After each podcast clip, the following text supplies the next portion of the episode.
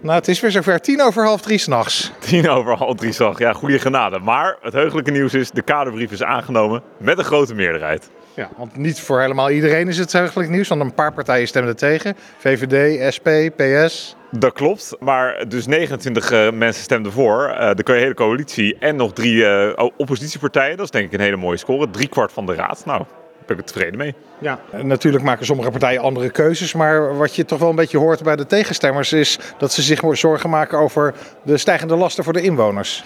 Dat klopt, dat klopt. Maar wat je vooral merkt is dat er een heel groot draagvlak in de gemeenteraad is voor de investeringen in leefbaarheid, investeringen in klimaat en investeringen in een sociale stad met betaalbare woningen. Daar is echt groot breed draagvlak voor. En het klopt dat er ook partijen zijn die zeggen, nou kunnen we niet de lasten verlagen, kunnen we niet minder investeringen doen. Maar wij maken als college en dus ook een heel groot deel van de raad daar echt andere keuzes in. We kijken vooruit naar de toekomst, zijn bereid om te investeren en daardoor is Leiden ook zo'n hele fijne stad om in te wonen. Voor iedereen?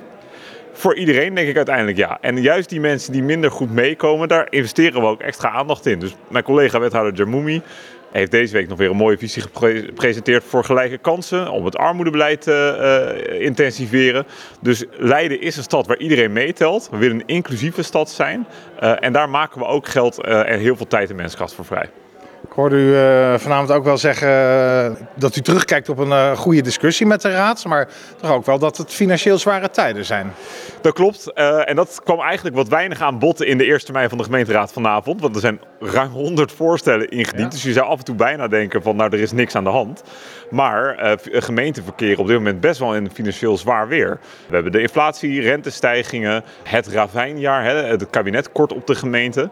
Dus er komt best wel wat op gemeenten af. Als college hebben we best wel scherpe keuzes gemaakt. Ook echt tegen behoorlijk wat ambities gezegd. Dat gaan we nu even niet doen.